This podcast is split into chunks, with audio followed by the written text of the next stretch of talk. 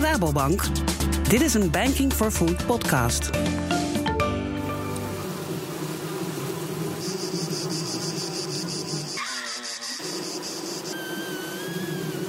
Stel je eens voor dat insecten onze wereld beter gaan maken, omdat we ze opeten. Of gebruiken voor een betere productie van onze dagelijkse behoefte aan eiwit. En dat we die insecten voeden met het afval dat we nu al produceren. Ik krijg ineens een heel circulair gevoel. Dag, ik ben Harm Edens. Wat goed dat je luistert naar deze podcast. Er komen steeds meer mensen op aarde en die moeten allemaal eten. En als het goed met ze gaat, willen ze steeds meer vlees en vis eten. En om dat allemaal mogelijk te maken, gebruiken we steeds meer soja en vismeel. Veel dieren krijgen het dagelijks in hun voeding. Zelfs vissen krijgen vismeel. Het is voeding die een zware footprint achterlaat. Dat moet beter en dat kan ook.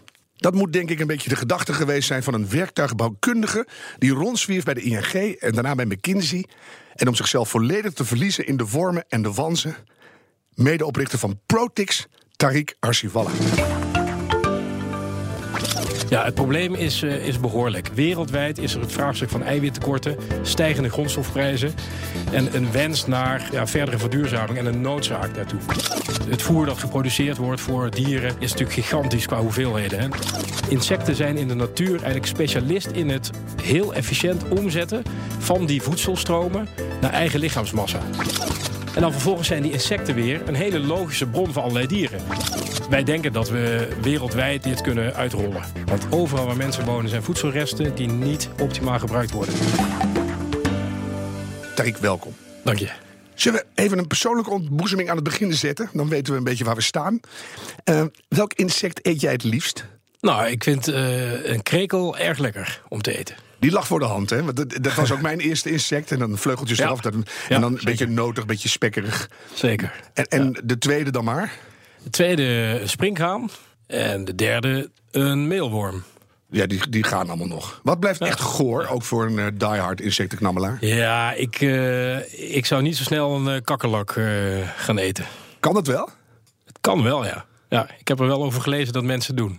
Ik geloof in Thailand heb je wel van die stalletjes waar je uh, ja, gefrituurde kakkerlakken ziet. uh, maar dat is denk ik uh, in deze westerse wereld uh, niet zo'n niet zo nabije toekomst. Nee, ik heb nee. ooit gekookt met insecten, met een, met een haute cuisine kok. En die had van die hele grote wanzen uit Thailand. Ken je die? Die zijn echt, echt, echt ja, ik ken 12 centimeter. Okay. Dat bleef een beetje griezelig, vond ik hoor. Ja, ja. We hebben het echt al jaren over. En toch hebben de meeste mensen nog nooit insecten gegeten. Maar het zit al in heel veel producten. In, in, in sauzen en koekjes. Was jij je daarvan bewust toen jij uh, in de wereld van de kleine kruipers dook? Nee, uh, eigenlijk uh, niet. Uh, in 2009 heb ik Protix opgericht samen met een oud collega, Kees Aarts. En in, voor die tijd was ik niet eens zo bekend met insecten. En ik hoorde pas toen dat er in allerlei producten inderdaad insecten zitten. In de, in de roze koeken, -hmm. die wel bekend zijn hier in Nederland. Half en, Nederland schrik nu, hè, want die zijn dol op roze oh, koeken. Kijk, dus. kijk ja, dat is goed om te weten dat ze dus eigenlijk toch wel een beetje goed bezig zijn. roze koeken, maar ook in de M&M's, de, de rode kleur die, die daar gemaakt wordt. Die komt van, van een bepaalde luis die op een cactus uh, groeit. Uh, dus in die zin is het eten van insecten door mensen niet, niet nieuw. Alleen het bewust eten van insecten natuurlijk in de westerse wereld is iets anders. Dat is nog een stukje verder weg. Hè? Ja. Ik schets dit in de inleiding al een beetje. Het grote probleem is de voeding van onze voeding. Met andere woorden, wat eten de, de dieren die wij weer eten? En dat probleem wordt wereldwijd steeds groter. Hoe, hoe groot is het?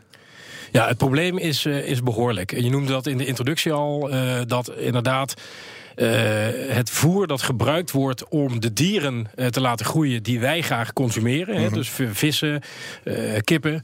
en kippen is zowel voor vleesproductie als voor eiproductie. Daarvoor worden heel veel grondstoffen gebruikt die ja, absoluut niet duurzaam geproduceerd worden. Dus neem inderdaad de soja, wat ja, aan de andere kant van de wereld geproduceerd wordt. Daar worden oerbossen voor gekapt.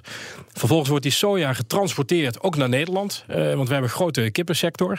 En dan wordt dat hier vervolgens vervoerd aan, uh, aan kippen. Ja. Dat is natuurlijk qua footprint absoluut niet wenselijk. En ook Eh, echt bijna bizar, hè? misdadig echt wel bijna. bizar. Echt wel bizar. Ben je Ja. eens in Brazilië geweest? Ongetwijfeld. Nee, ik ben eh, niet in Brazilië geweest. eh, wel in, in andere zuidelijke landen. In Chili ben ik geweest. Mhm. En daar is bijvoorbeeld het, het, het, ja, de, de productie van vismeel een, een groot iets. Ja. Dus daar worden wilde vissen gevangen. Vervolgens vismeel uitgemaakt. Hè, dus droog, droge, gedroogde vissen en vermalen. En dat gaat dan weer naar Noorwegen om onze kweekzalm te voeren. Ja. Dus eigenlijk een- vergelijkbare ja, inbalans eigenlijk in de, van, van het voedselsysteem. Ja, die balans daar, dat wordt een belangrijk thema van dit gesprek. Ik ben wel eens in een heel klein vliegtuigje over het regenwoud van de Amazone gevlogen. Nou, je schrikt echt hevig. En dat was al een aantal jaren geleden. Dat er, alsof de hand van God, om het zo maar te noemen, Ja. de hele eh, deklaag van de planeet heeft geschoven. Ja. Tranen in je ogen hoor. Ja. Daar praten we over, hè? ontbossing. Ja, absoluut. Eh, daar praten we over. En eh, ja, het zijn gewoon enorme volumes. Hè. Dus, dus het het voer dat geproduceerd wordt voor dieren is natuurlijk gigantisch qua hoeveelheden. Hè. Ook de wereldbevolking blijft stijgen. Dus, en, en, en, en ook met de welvaart die stijgt, ook in Azië, betekent dat er steeds meer vlees, vis en zuivel eh, geproduceerd wordt. En dus ja, eiwitten eh, eh, beschikbaar maken om die dieren te voeren. Dat is het eh, hoofdthema waar wij mee bezig zijn. En wij denken dat die eiwitten voor een heel groot deel lokaal gewonnen kunnen worden met behulp van insecten. Ja. Eiwitten zijn voor, voor heel veel levende wezens op een manier toch echt nodig. Maar het is schaars en de productie ervan vergt heel veel natuurlijke hulpbronnen. Dat hebben we nu wel een beetje established, denk ik. Ja. Ehm, ik heb wel eens gehoord dat om de zaak in balans te houden... mag je geloof ik 30 gram dierlijk eiwit per dag. Dat is één plakje ham onder je uitsmijter.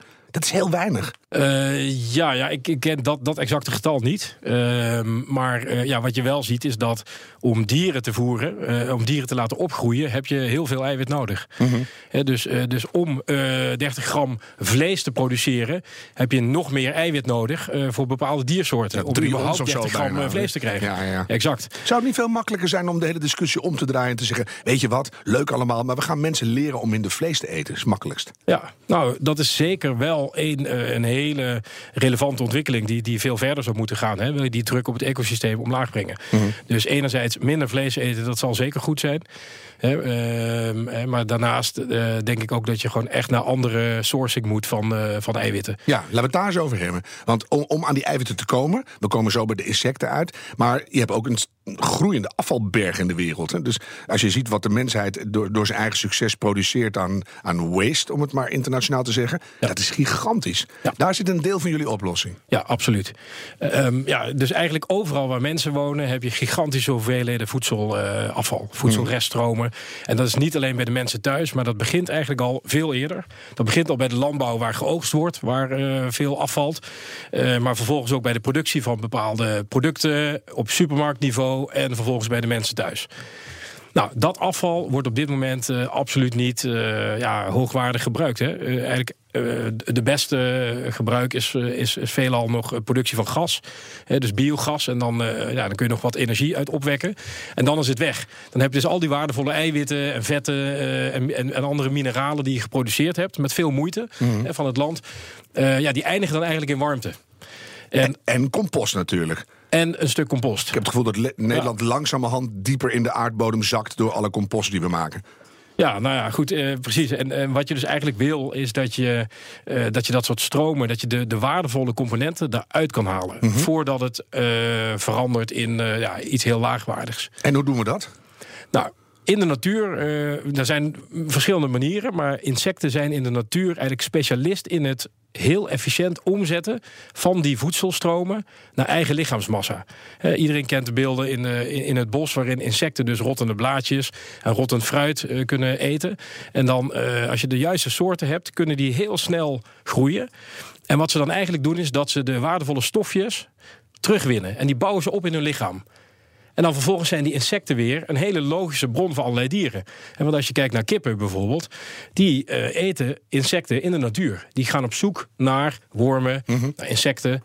En, uh, en ja, eten dat op en, en eten dat op. worden dan een grotere kip. Exact. Dus dan voel je al dat, dat je op een manier een keten kan sluiten. Ja. Dat was denk ik bij jullie het idee toen jullie het bedrijf begonnen. Exact, exact. Het sluiten van de keten. En, uh, ja, en daar zijn we nu uh, behoorlijk ver in. Hè. Dus we hebben nu een, een eerste concept. Uh, dus inderdaad met een kip. Dat voorbeeld wat we net gaven. Mm -hmm.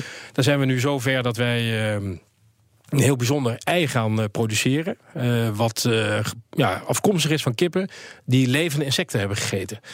Nou, en door dat te doen eh, is het dus mogelijk om. Dus ze krijgen eigenlijk een combinatie van levende insecten en een stuk droogvoer.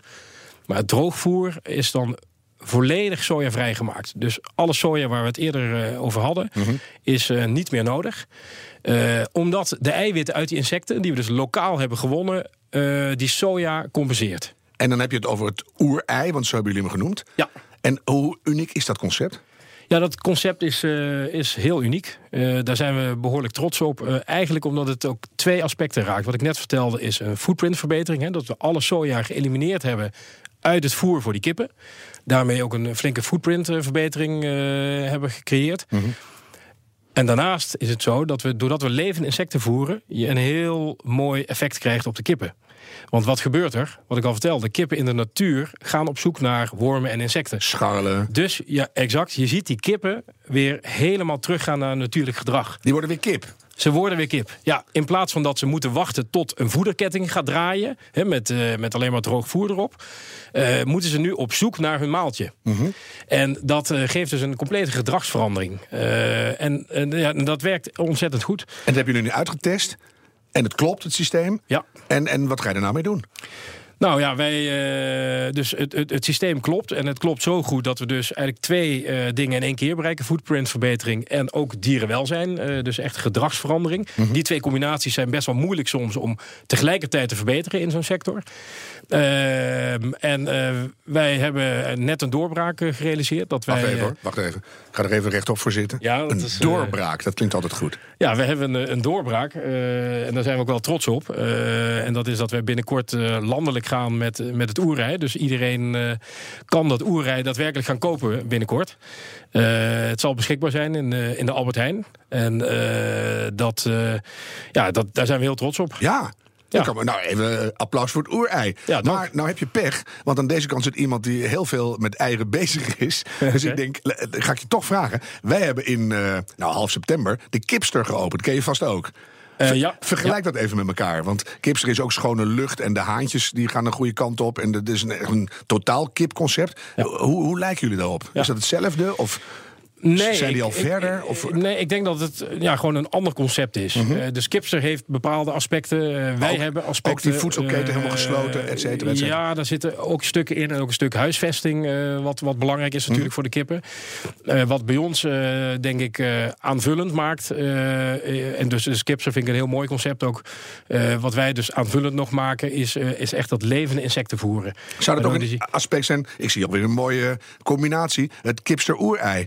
Dus dat, dat dat weer samen moet. Dat ze daar ook nog wat levende insecten bij gaan doen. En Ja, ik denk dat de ontwikkeling van concepten, die, die kunnen altijd doorgaan. Ja. Dus eh, je hebt stap voor stap doorbraken. En eh, ik denk dat wij nooit klaar zijn. Dus eh, Maar dan, Tarik, het is goed dat je het zelf noemt. Hè? We, we zijn hier stiekem via een podcastserie de, de hele wereldproblematiek aan het oplossen. Dat is nogal wat. En de, de kip is één ding, maar dan zie je al dat het eigenlijk allemaal anders moet. Kan je dit principe wat je nou met die scharrelende kippen doet, ook met andere dieren doen? Eh, ja, ja. En eh, neem eerst nog even de kip zelf. Mhm. Want eh, we hebben het net over een ei gehad. Eh, maar kippen worden ook geproduceerd voor vleesproductie. Ja. En daar kun je natuurlijk precies hetzelfde doen. Dus ook die impact op dierenwelzijn en op footprint kun je gewoon ook bij vleeskuikens wordt het dan genoemd. In Dus de- die haantjes hoeven we niet meer te vergassen. Dat is alweer fijn. Exact. Die kunnen En, we normaal Die kunnen dus ook op zo'n manier opgegroeid worden. Ehm, maar je hebt ook kalkoenen. Je hebt allerlei andere diersoorten, gevogelte. Je zit lekker in je seizoen, hè? Ja, ja, dat is, ja, dat is een. Normaal denk je ook, hoe, hoe kweken ze die beesten? Dat vind ik al niks. Maar dit is veel beter als je weet dat het goed zit. Ja. Ja. nou ja, ehm, eh, eh, dus dat is eigenlijk de, de, de gevogelte eh, sector. Maar we zijn ook heel actief in de, in de aquacultuur natuurlijk. Eh, we hadden net de voorbeelden van de vismeel.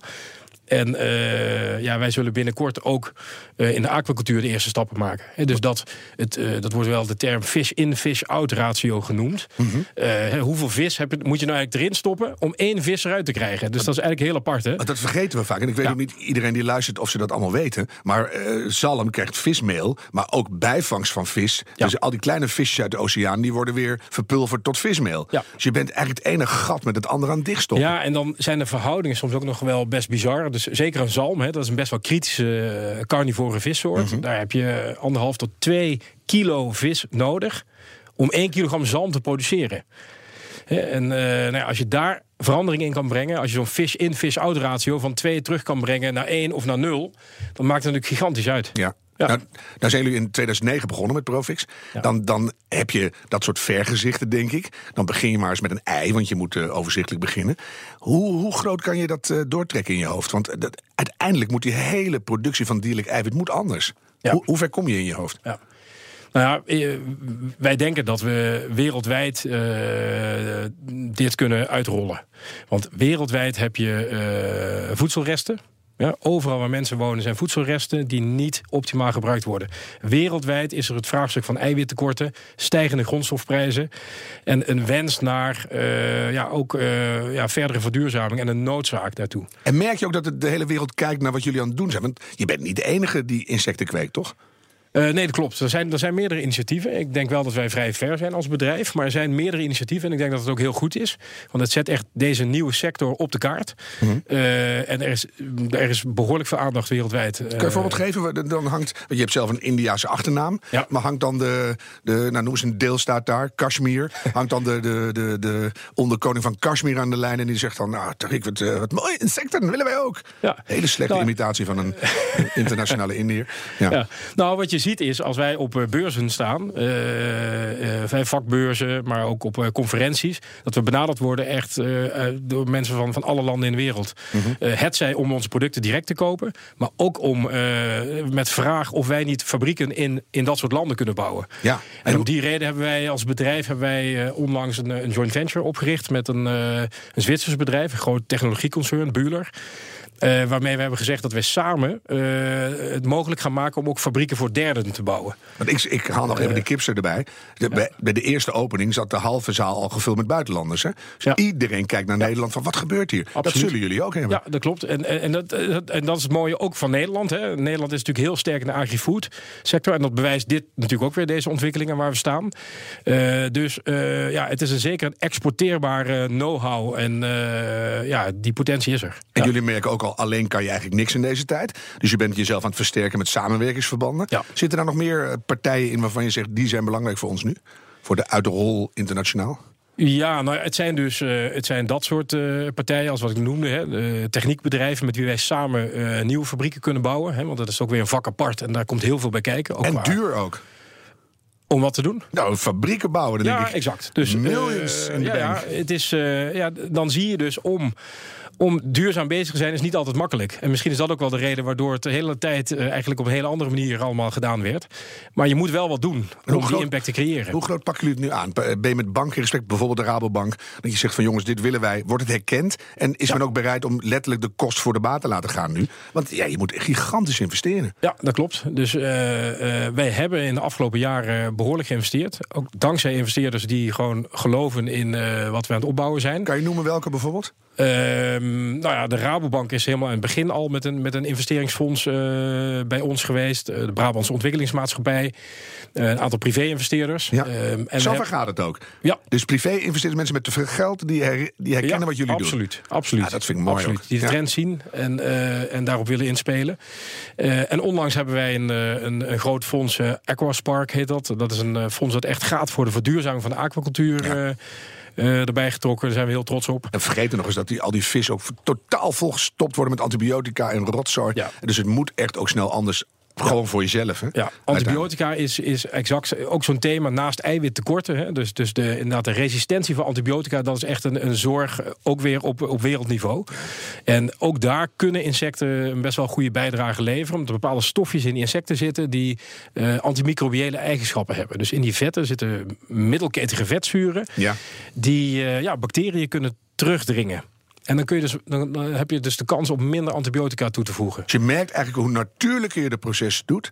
En hoe, hoe beter in balans. Het is eigenlijk de balans terugbrengen in de Ja. food balance. Ja. Dat het dan uiteindelijk ook een, een vergezicht geeft waar je blij van wordt. Ja.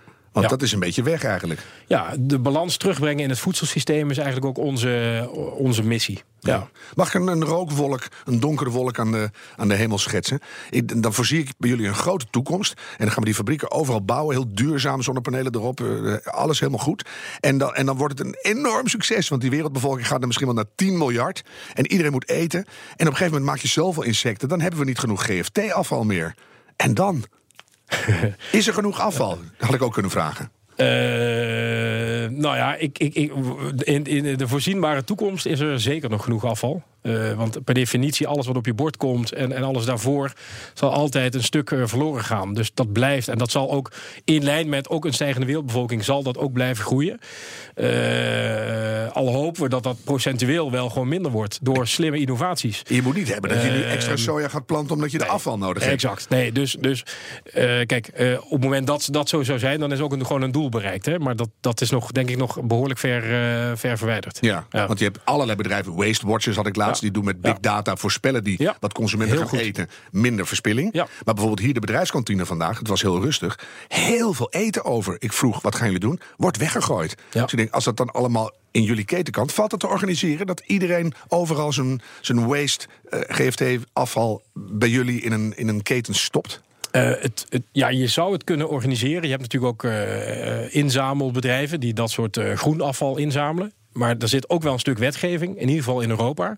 Hè, dat, eh, want voedselveiligheid is natuurlijk essentieel. Omdat we de voedselketen ingaan, moeten wij ook zorgen dat het voer wat we aan de insecten geven ook veilig is. Ja. En dat moet dus trackable, traceable zijn. Ja, daar gaan we En, weer. eh, ja, nou ja, goed. Dat is voor individuele huishoudens is dat eh, nog moeilijker te garanderen. Maar ook daaraan kun je werken natuurlijk in de toekomst. Anders krijgen we fipronilkevers. Dat willen we niet. Nee, nou ja, dat, dat fipronil dat is weer een heel ander thema. Maar inderdaad, eh, dat soort zaken, dat wil je natuurlijk niet. Wetgeving nodig. Ben je daar ook mee bezig? Want jullie zijn aan het uitbreiden. Ja. Dus daar hoort eigenlijk een, een lobbypoot richting Den Haag Absoluut. en Brussel hoort daarbij. Ja, ja, ik ben eh, heel regelmatig in Brussel. En we hebben onlangs ook eh, de eurocommissaris op bezoek gehad. eh, die eh, ja, ook bevestigde dat, dat zij de insectensector absoluut een heel gewenst iets zien. Hè? Want, Zeg dat dus- woord nog eens. Welk woord? Insectensector. Insectensector. Dat doe je goed. Dat is echt een, een tongbreker. Oké. Ja. Mooi woord Ja, zeg. ja, die zit er toch wel in, Ja, dat is echt goed. Eh, Maar een warm hart toedraagt. Eh, ja, want het, het, het, het haakt natuurlijk heel erg in op, eh, ja, op een aantal thema's waar de EU mee bezig is. Hè. Dat, en dat is niet alleen food waste reduceren, maar het gaat ook over eh, zelfstandig zijn qua sourcing. Dat je niet afhankelijk bent van eh, grondstoffen buiten Europa. Heb jij het gevoel dat dat sinds 2016, 17 sneller gaat? Ik heb het gevoel dat iedereen eindelijk nu begrijpt... die kant moeten we op. En dat het nu makkelijker wordt. Ja, ik zie dat. ehm, ik weet niet of het vanaf 2016 is, maar inderdaad wel iets van de laatste drie, vier jaar. Dat ik zie dat duurzaamheid eh, een belangrijker thema is. En ook dat er eh, ook voor betaald wordt. Ook door eindconsumenten. Ja. En dus ook onze klanten, die vaak, dat is meer B2B vaak. En dan uiteindelijk naar een eindconsument. Dat ik zie dat er ook waarde door de keten heen gecreëerd kan worden. Ja. Met meer duurzame eh, offers. Ja. Wat, wat worden de volgende stappen? Waar hangen jullie dromen? Nou ja, eh, er zijn heel veel stappen. eh, er zijn heel veel stappen waar wij mee bezig zijn. Dat oerrij waar we het over noemden, dat begint nu eerst in, in alle XL-winkels van Albert Heijn. Vervolgens gaan we Terwijl ervan uit dat we dat. Hij toch heel klein is. Het kan ook wel in de, in de minder XL-winkels. Exact, dus dat is dan de volgende stap. Maar ja, dan heb je Nederland. Dat kan buiten Nederland. Dan hebben we het over vlees gehad. We hebben het over vis gehad. Eh, dus er valt nog zoveel impact te, te creëren. Kan je even in de toekomst kijken voor me? Ik denk wel eens, hoe komen we nou van die, van die aardappelvlees-groentenorm af? Dat we vlees gaan zien als een delicatesse. Dat al die boeren die nu staan eh, van, ja, maar onze productie, dat die alleen maar heel mooi vlees gaan maken. En Ja. dat je dat af en toe eet, omdat Ja. je denkt, nou doe ik iets bijzonders. En voor de rest eten we voornamelijk vegetarisch, want we doen vegetarische worst en de erwtensoep, daar krijgt geen haan naar. Ja, ja, Goede uitdrukking in dit geval. ja.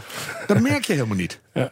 Nee, ik denk dat een gedragsverandering, of in ieder geval eh, verandering in, in, in wat wij normaal vinden, dat dat misschien wel de belangrijkste manier is om, het, om, om, om versnelling in het voedselsysteem te brengen, hè, naar de goede kant toe. Wanneer zijn jullie klaar? Is, zijn er overal insectenfabrieken en wordt al het afval omgezet door eh, wansen in hoogwaardige Ja, in ons geval zijn het geen wanzen, eh, het zijn, zijn andere soorten. Ik vind het mooiste maar, eh, uit te wans is ook wel een heel mooi insect hoor. Dus, Ehm, Behalve ja, de wij natuurlijk. Ja, ik, ik denk gewoon dat wij wereldwijd eh, eh, fabrieken kunnen neerzetten. eh, om gewoon dat, om die, die, die stromen weer om te zetten naar iets waardevols. Je bent nu 42. Doe eens een, een gok over 15 jaar. Dan kan je het stokje overgeven, dan is het eh eigenleg. nou, eh 15 jaar is, is, is wel heel reëel om wereldwijd actief te zijn. Absoluut. En moet En ik ook. denk eigenlijk dat het misschien nog wel eerder kan. Oh, Gezien de tractie hè, en, en de interesse, eh, wordt eerder de, de kunst straks... hoe kan je zo maximaal snel groeien? Want de kansen liggen er. en, en die snelheid hebben we En dan nodig. vind ik hè? 15 jaar eigenlijk eh, langzaam aanvoelen. 10 maken we ervan. Eh, maximaal 10. ja. Kijk, dat zijn goede uitspraken. Dat lost dingen op. Tariq, fijn dat je er was. Iedereen dank voor het luisteren. Als je meer wilt lezen over Profix of vliegen in je soep... of andere hoopvolle dingen voor een betere toekomst... want daar gaat het over, ga naar rabobank.com. Daar vind je ook de andere afleveringen in deze serie podcast... Banking for Food. En hopelijk inspireert het je om zelf actief mee te gaan doen. Daar heb je ze weer. Op naar een betere wereld? Stel je toch eens voor.